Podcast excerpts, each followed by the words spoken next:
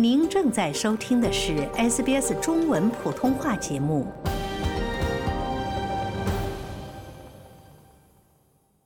泰国总理赛塔·他微信一月二日表示，泰国和中国将从今年三月起永久相互免除签证要求。作为东南亚第二大经济体，泰国高度依赖旅游业。去年九月开始。泰国对中国游客实行了为期数月的入境临时免签政策。两国政府经协商，最终决定自二零二四年三月一日起相互实施永久免签政策。塞塔对记者表示，此举将提升两国之间的关系。泰国免签政策旨在促进该国因新冠疫情而受到严重破坏的旅游业的发展。泰国政府数据显示，2023年泰国迎来了2800万外国游客，略高于目标，并创造了1.2万亿泰铢（约合519亿澳元）的收入。其中，马来西亚是最大的客源市场，有450万游客；其次是中国，有350万游客。但这一数据相较新冠疫情之前仍有大幅的下降。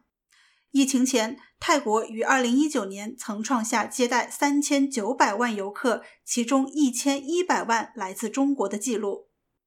中国外交部表示，两国正在通过相互免签政策加强人员往来。外交部发言人汪文斌在例行记者会上表示，目前双方主管部门正就具体事宜密切沟通，我们期待有关安排早日落地生效。而据《曼谷邮报》报道，泰国外交部长帕恩普里·巴西达努卡拉也表示，将于一月或二月初访问中国，签署永久互免签证协议。与此同时，持有澳大利亚护照的公民也可以免签进入泰国。根据澳大利亚统计局公布的最新数据，泰国位居澳大利亚人最喜欢的国际旅游目的地前十榜单之列，排名第七。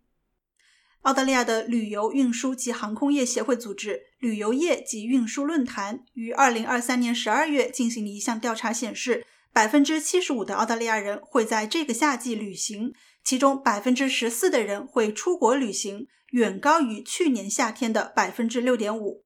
而该组织负责人奥斯蒙德表示，疫情之后，澳大利亚人更希望尝试新的地方。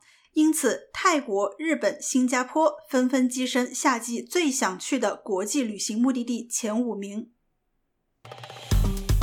喜欢、分享、评论，欢迎您在 Facebook 上关注 SBS 普通话页面。